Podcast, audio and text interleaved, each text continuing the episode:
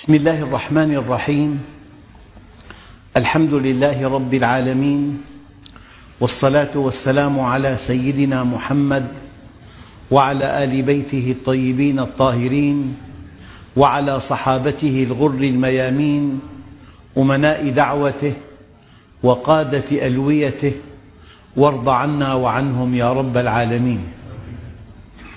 اللهم أخرجنا من ظلمات الجهل والوهم إلى أنوار المعرفة والعلم ومن وحول الشهوات إلى جنات القربات. أيها الإخوة الكرام مع الدرس الثامن عشر من دروس سورة التوبة ومع الآية التاسعة عشرة وما بعدها وهي قوله تعالى بسم الله الرحمن الرحيم أجعلتم سقاية الحاج وعمارة المسجد الحرام كمن آمن بالله واليوم الآخر وجاهد في سبيل الله لا يستوون عند الله والله لا يهدي القوم الظالمين. أيها الإخوة الكرام سيدنا العباس عم رسول الله قبل أن يسلم قال نحن نسقي الحجيج ونرعى البيت ونفك العاني ونقوم بعمارة البيت. كأنه يريد أن يقول هذا يكفي لكن الله سبحانه وتعالى أراد أن ينفي هذه المقابلة. بين خدمة البيت وبين الإيمان بالله. للتقريب يعني واحد نال دكتوراه والثاني طبع الكتب. الذي طبع الكتب عمل جيد بس هذه الطباعة لا ترقى بالطابع إلى مستوى دكتوراه الإيمان أعلى شهادة. الإيمان أعلى شهادة يحملها الإنسان. الإيمان مرتبة أخلاقية. والإيمان مرتبة علمية والإيمان مرتبة جمالية. يعني أذواق المؤمن أذواقه عليا. سعادته في الاتصال بالله أهدافه نبيلة منطلقاته سليمة مبادئه واضحة قيمه سامية. الإيمان شيء مهم جدا. الإيمان مرتبة علمية عالية لكن من يعمل في طبع الكتب وتأمين مستلزمات الجامعة تأمين قرطاسية ضبط الدوام هي أعمال لا بد منها. لكن هذه الأعمال لا ترقى إلى مستوى أن تكون عالما كبيرا.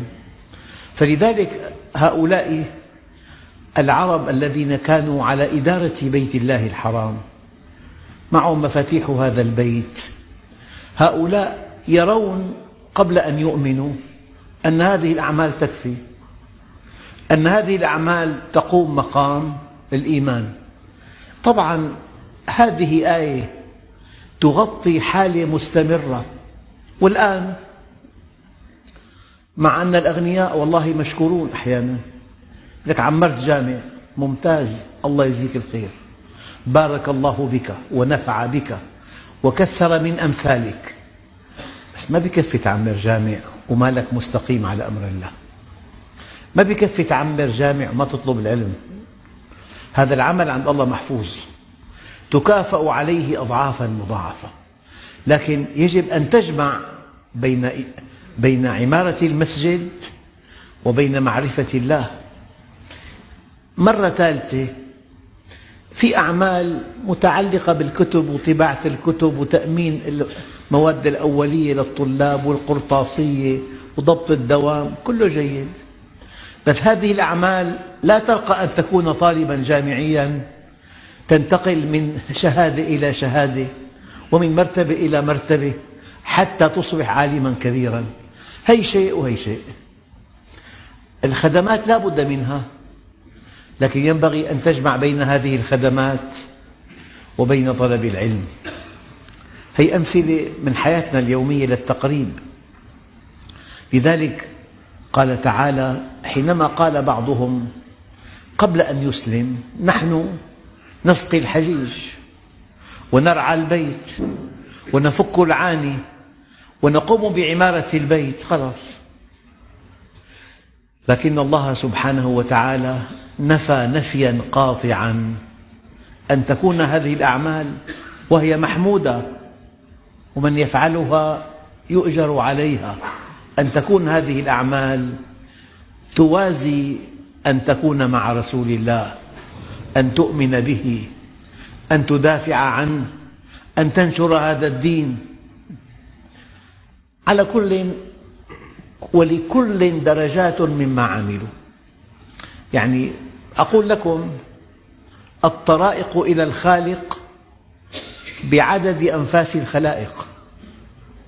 لكن ممكن أن تقوم بخدمة مسجد.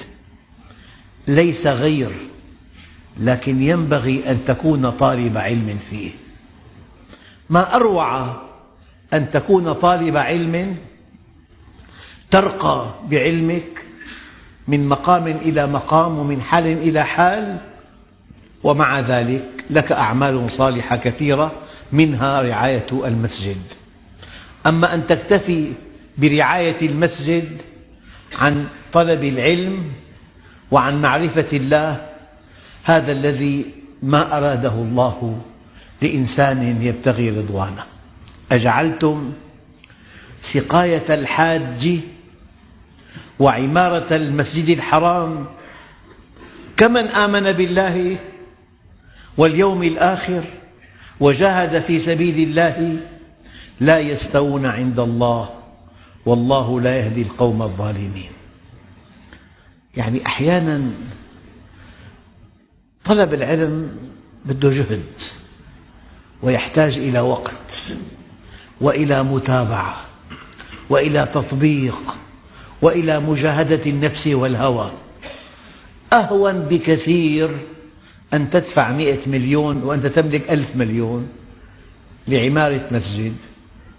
أنشأ هذا المسجد المحسن كبير فلان فلاني.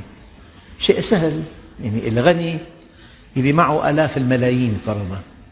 اندفع عشر ملايين لمسجد.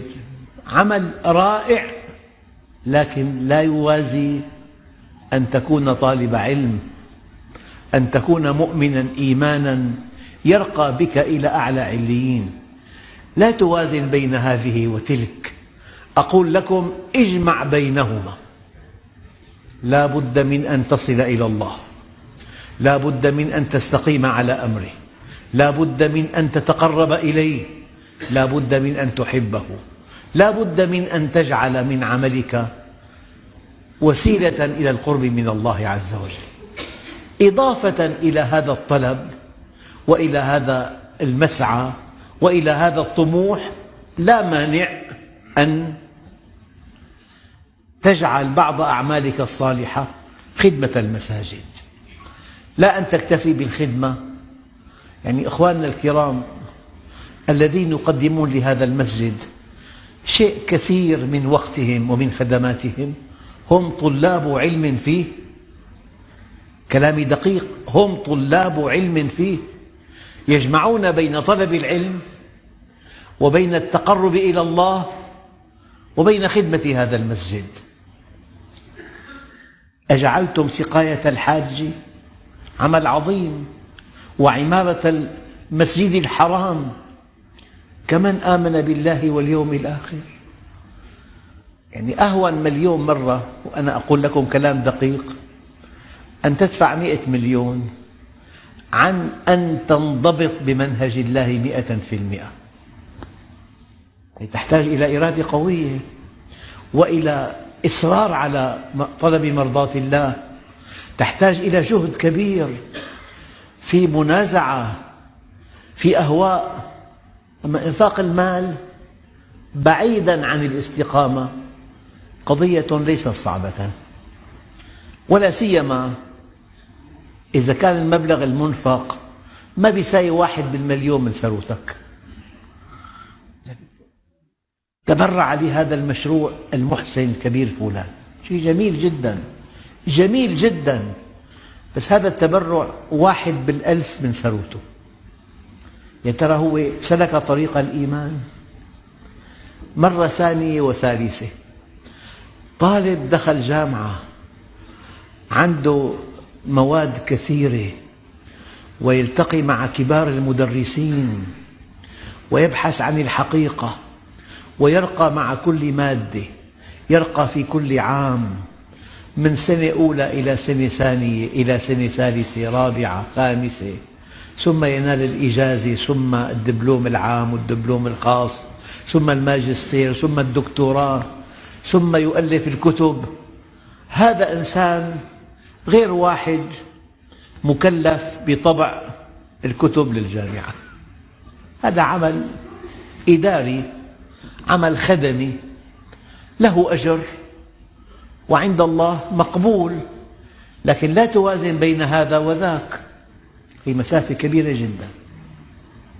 أجعلتم سقاية الحاج وعمارة المسجد الحرام كمن آمن بالله واليوم الآخر.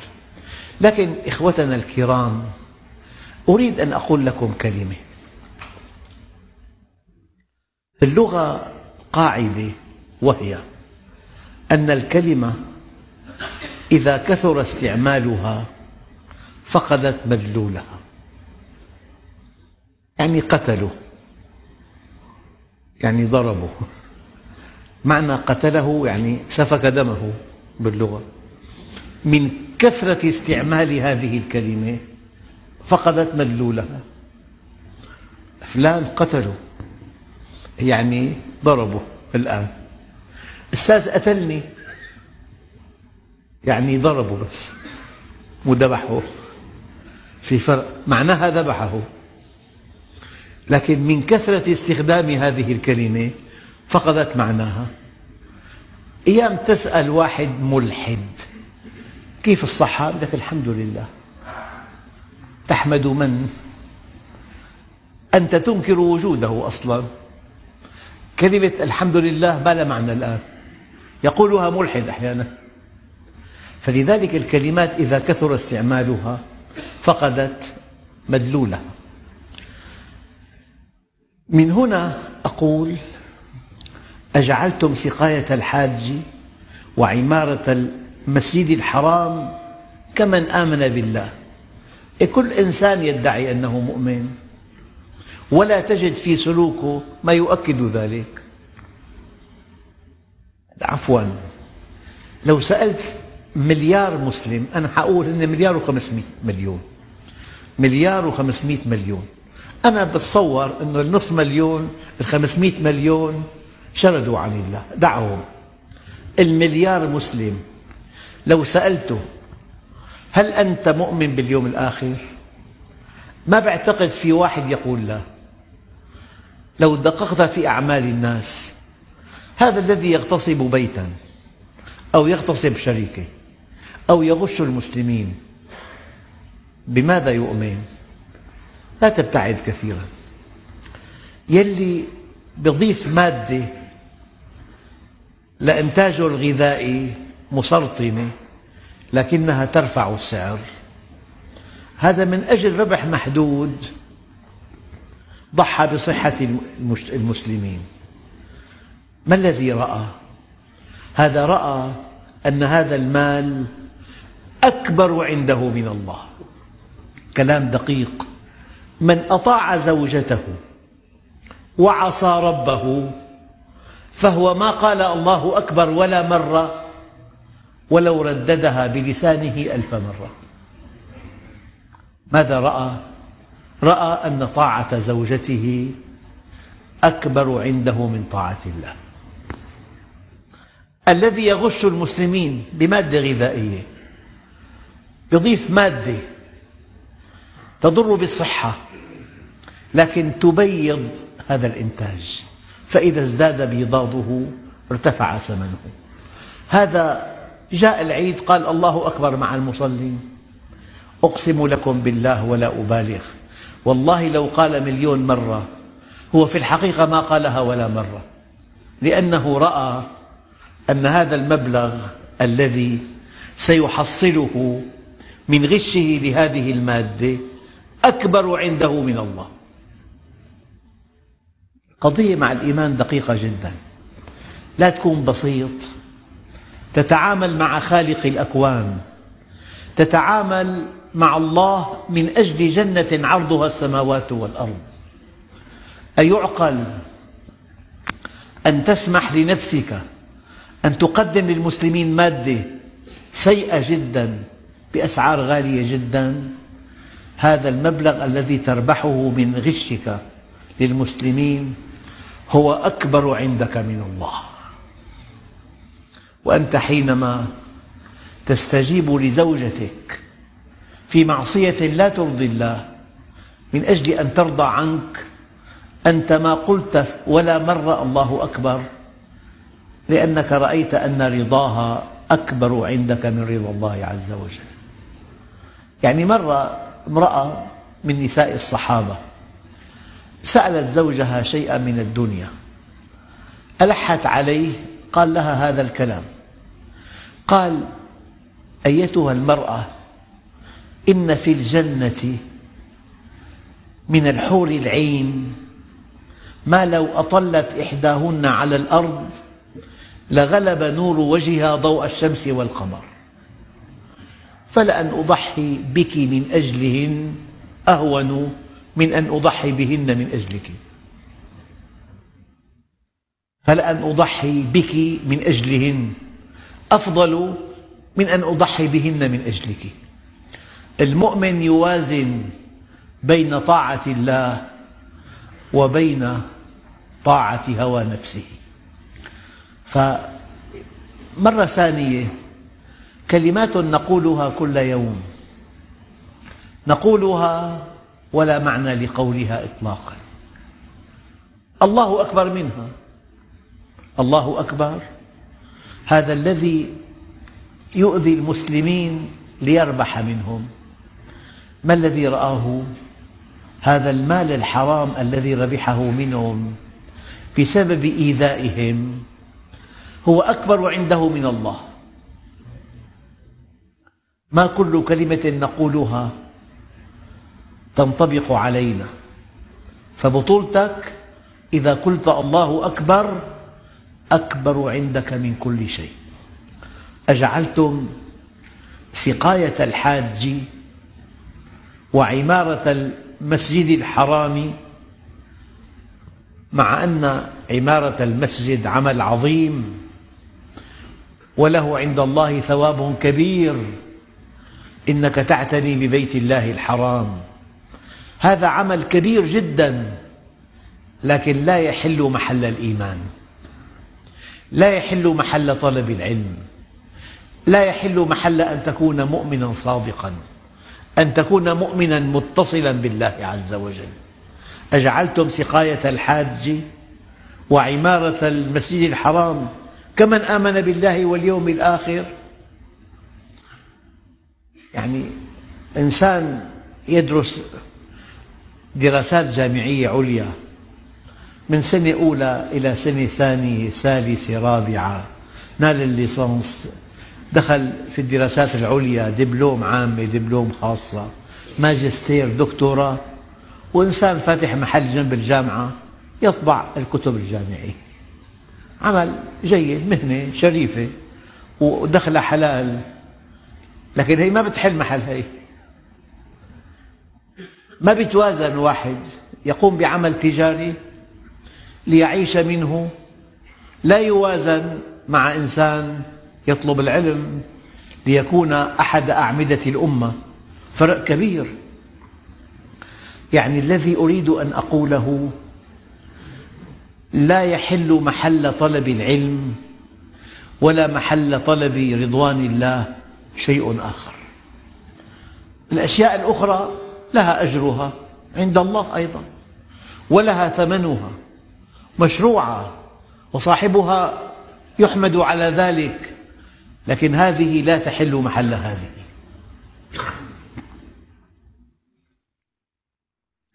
أجعلتم سقاية الحاج وعمارة المسجد الحرام كمن آمن بالله واليوم الآخر وجاهد في سبيل الله لا يستوون عند الله. أخواننا الكرام معنى آمن بالله يعني آمن الإيمان الذي يحمله على طاعة الله. ومعنى آمن باليوم الآخر أنه آمن الإيمان الذي يمنعه أن يؤذي مخلوقاً. هؤلاء الذين يدمرون الشعوب يقصفون يقتلون يبيدون ينهبون ثروات أمة من الأمم. هؤلاء ما عرفوا الله إطلاقا. فلذلك البطولة أن تكون في خدمة الخلق. آمن بالله إيمانا منعه أن يعصيه. وآمن باليوم الآخر إيمانا يمنعه أن يؤذي مخلوقا. وجاهد في سبيل الله بنفسه وماله. أريد أن أؤكد لكم من خلال هذه الآية أنه لا شيء يغني عن طلب العلم ولا شيء يغني عن طلب مرضاة الله ولا شيء يغني عن طلب الجنة. طلب العلم والعمل به وطلب الجنة هذه تعد من سر وجودك وغاية وجودك. الأعمال الأخرى جيدة ومقبولة ومن يفعلها له عند الله أجر كبير. كمن آمن بالله واليوم الآخر وجاهد في سبيل الله. طبعا جاهد بماله ونفسه. لا يستوون عند الله. والله لا يهدي القوم الظالمين. في بالآية إشارة دقيقة. يعني إنسان قد يأكل مالا حراما فإذا أكل مالا حراما ظلم الناس يعني غشهم في بضاعتهم أخذ ما ليس له أي مال حرام مبني على ظلم؟ قدم شيئا بمواصفات أقل مما ينبغي فربح أرباحا طائلة. فهذا ظالم. الآن هذا الإنسان أعماله الصالحة لا تعفيه من محاسبته على أخطائه. هذه الأعمال التي يفعلها بعض الناس وهي مشكورة ومحمودة عند الله لا تغني صاحبها عن طاعة الله وطلب رضوانه لا يستوون عند الله. والله لا يهدي القوم الظالمين. يعني الظلم ظلمات يوم القيامة. الظلم نحن على يقين أنك لو صمت شهر رمضان كله صياما وفق ما جاء في كتب الفقه تماما. ولك أعمال لا ترضي الله. هذا الصيام لا يقدم ولا يؤخر. العبرة أن تستقيم على أمر الله. وقبل الاستقامة لا تستطيع أن تقطف ثمار الدين إطلاقا. يعني أحيانا الإنسان يتمنى أن يضغط الدين كله بكلمة أو كتمهيد هل يمكن أن تضغط التجارة كلها بكلمة واحدة؟ ممكن. لها نشاطات لا تعد ولا تحصى. لها آلاف النشاطات لكن يمكن أن تضغط التجارة بكلمة واحدة إنها الربح. فإن لم تربح فلست تاجرا. تمهيد كما أنه يمكن أن تضغط الدين كله بكلمة واحدة هي الاستقامة. فإن لم تستقم لن تقطف من ثمار الدين شيئا. دين من دون استقامة كما ترون. مليار وخمسمئة مليون مسلم. ليست كلمتهم هي العليا. وليس أمرهم بيدهم. وللطرف الآخر عليهم ألف سبيل وسبيل. مع أن النبي عليه الصلاة والسلام في الحديث الصحيح يقول لن تغلب أمتي من اثني عشر ألف من قلة.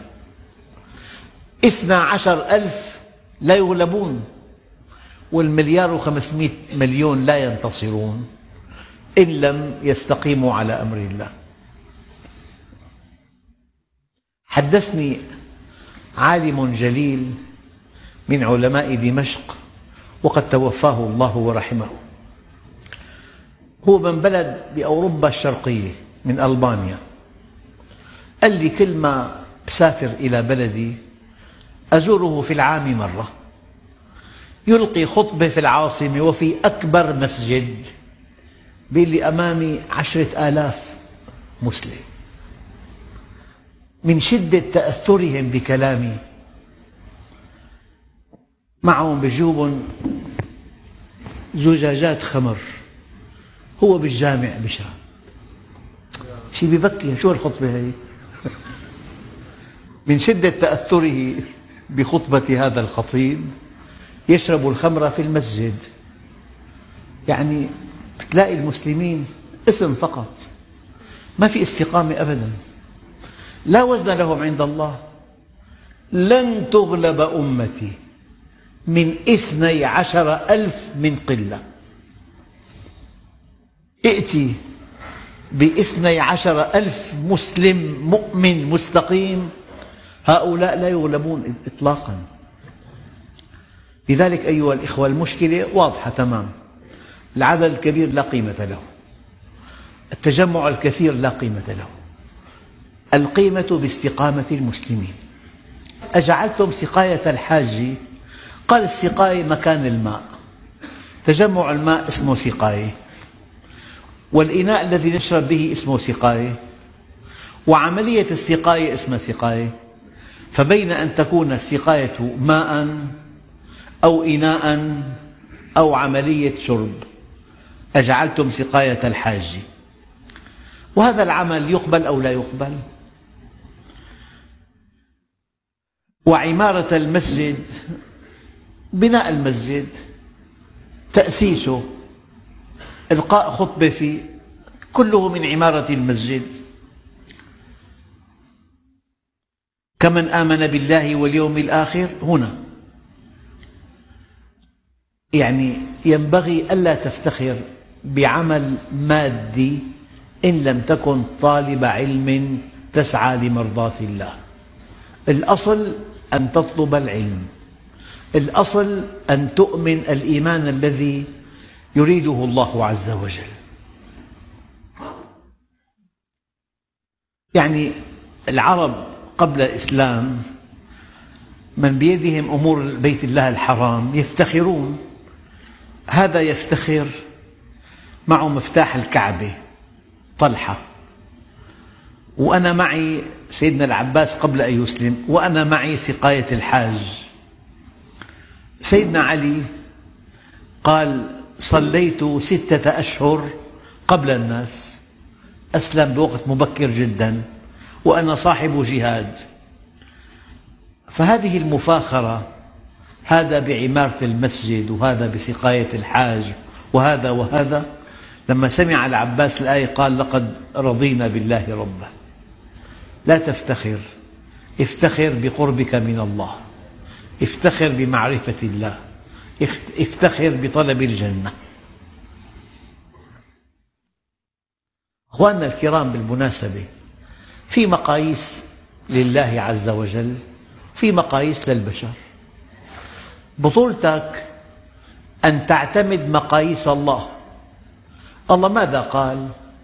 قال ومن يطع الله ورسوله فقد فاز فوزا عظيما. الفوز العظيم في القرآن هو طاعة الله وطاعة رسوله. فافتخر بمقياس ذكره الله في القرآن. قال إنما يوفى الصابرون أجرهم بغير حساب. افتخر أن تكون صابرا. يعني كل آية يثني الله فيها على فئة من المؤمنين هي مقياس. لكن لا تفتخر بشيء. يعني ما بينتمي إلى عملك وإلى جهدك. تفتخر بوسامتك. هي وسامة من الله عز وجل أكرمك بها. افتخر بشيء من كسبك. يعني الله عز وجل أعطى النبي الكريم عليه أتم الصلاة والتسليم آلاف الخصائص. أما حينما أثنى عليه أثنى على خلقه العظيم لأن خلقه العظيم من كسبه. أما الوحي من عند الله. إنزال القرآن عليه من عند الله. فكل شيء ينبغي أن تفتخر به ينبغي أن يكون من كسبك. أجعلتم سقاية الحاج وعمارة المسجد الحرام كمن آمن بالله واليوم الآخر وجاهد في سبيل الله لا يستوون عند الله. والله لا يهدي القوم الظالمين الذين آمنوا. هلا واحد يقول لك أنا معي ليسانس. ما معنى هذه الكلمة؟ يعني معه ابتدائي معه إعدادي معه ثانوي معه جامعة. كلمة معه ليسانس يعني معه أربع شهادات. قال لك معي دكتوراه في معهم ماجستير دبلوم عام دبلوم خاص ماجستير. فكلمة مؤمن سبحان الله مرتبة علمية عالية جدا. مرتبة أخلاقية مرتبة جمالية. لكن كل إنسان يدعي, أنه مؤمن. يعني في ميوعة. يعني مصطلح غير منضبط. كل يدعي وصلا بليلى. وليلى لا تقر لهم بذاك. هؤلاء المؤمنون حقا.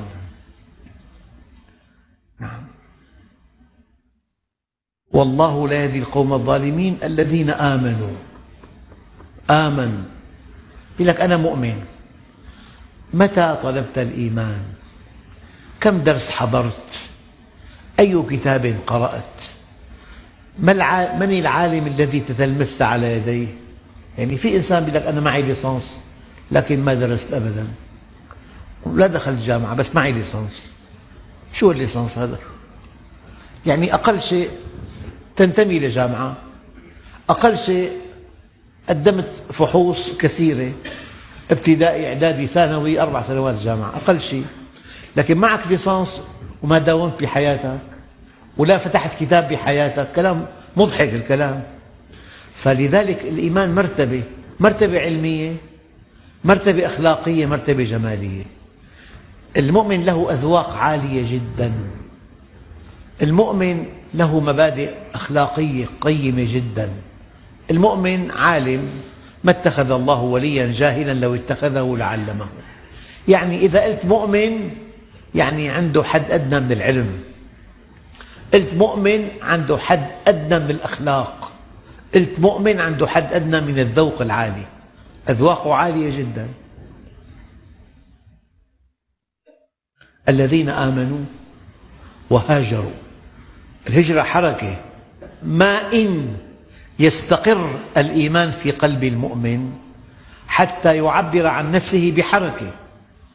إيمان سكوني ما فيه إيمان أساسه إعجاب سلبي ما فيه المؤمن متحرك يتحرك إلى عمل صالح إلى دعوة إلى الله إلى طلب مرضاة الله إلى أمر بالمعروف.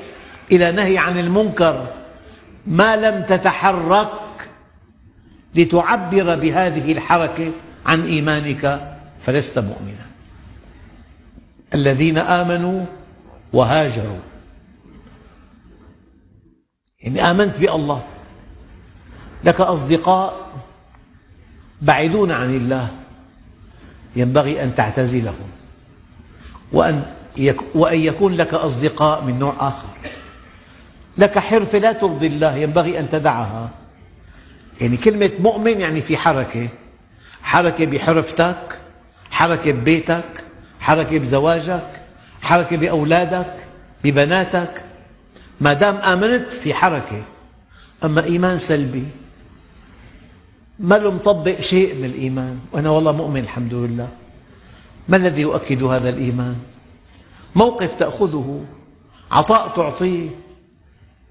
امتناع تمتنع عنه ما لم تصل لله وتقطع لله وتعطي لله وتمنع لله وترضى لله وتغضب لله لست مؤمنا. الإيمان موقف والإيمان حركة والإيمان سلوك والإيمان عطاء. الذين آمنوا وهاجروا وجاهدوا. يعني هاجر لها معاني واسعة جدا. قد تنتقل من مكان إلى مكان هي هجرة. لكن هاجر إنسان تعرف إلى الله. له مجموعة أصدقاء لا يرضون الله عز وجل. بده ينتقل من مجموعة لمجموعة. له سكن ضمن بؤرة فساد كبير جدا. يجب أن يبحث عن منزل آخر. له حرفة سيئة جدا. ابحث عن حرفة أخرى. الإيمان حركة. وما لم تتحرك حركة وفق إيمانك لا يعد هذا الإيمان كافيا ولا مجليا الذين آمنوا وهاجروا وجاهدوا في سبيل الله في بذل جهد بذل عطاء انضباط امتناع وصل قطع إرضاء غضب في مواقف في مشاعر في حركة. الذين آمنوا وهاجروا وجاهدوا في سبيل الله بأموالهم وأنفسهم أعظم درجة عند الله وأولئك هم الفائزون. وطن نفسك. مؤمن مستقيم لك أعمال صالحة تجاهد نفسك وهواك تحب من حولك تقدم لهم كل معونة تتمثل منهج الله عز وجل عندئذ هذا الإيمان ظهر في حياتك. قال هؤلاء الذين جاهدوا في سبيل الله بأموالهم يعني أنفق ماله وأنفسهم ضبط نفسه أعظم درجة عند الله وأولئك هم الفائزون. الفوز الحقيقي يبشرهم ربهم برحمة منه ورضوان. رحمة عطاء. أيام أنت بتعطي ابن ولا تحبه ممكن. لك ابن وأنت ميسور طلب منك حاجة حبيت ترتاح منه أعطيته إياه أعطيته وأنت لا تحبه. بس الكلمة الدقيقة يبشرهم ربهم برحمة منه ورضوان. يرحمهم ويرضى عنهم. قد ترحم إنسان لا ترضى عنه. لكن يرحمهم ويرضى عنهم. أيها الإخوة الكرام هذه الآيات أجعلتم سقاية الحاج وعمارة المسجد الحرام كمن آمن بالله واليوم الآخر وجاهد في سبيل الله لا يستوون عند الله والله لا يهدي القوم الظالمين الذين آمنوا وهاجروا وجاهدوا في سبيل الله بأموالهم وأنفسهم أعظم درجة عند الله وأولئك هم الفائزون يبشرهم ربهم برحمة منه ورضوان وجنات لهم فيها نعيم مقيم خالدين فيها أبدا إن الله عنده أجر عظيم. العظيم يقول لك أجر عظيم. فكم هو هذا الأجر؟ والحمد لله رب العالمين.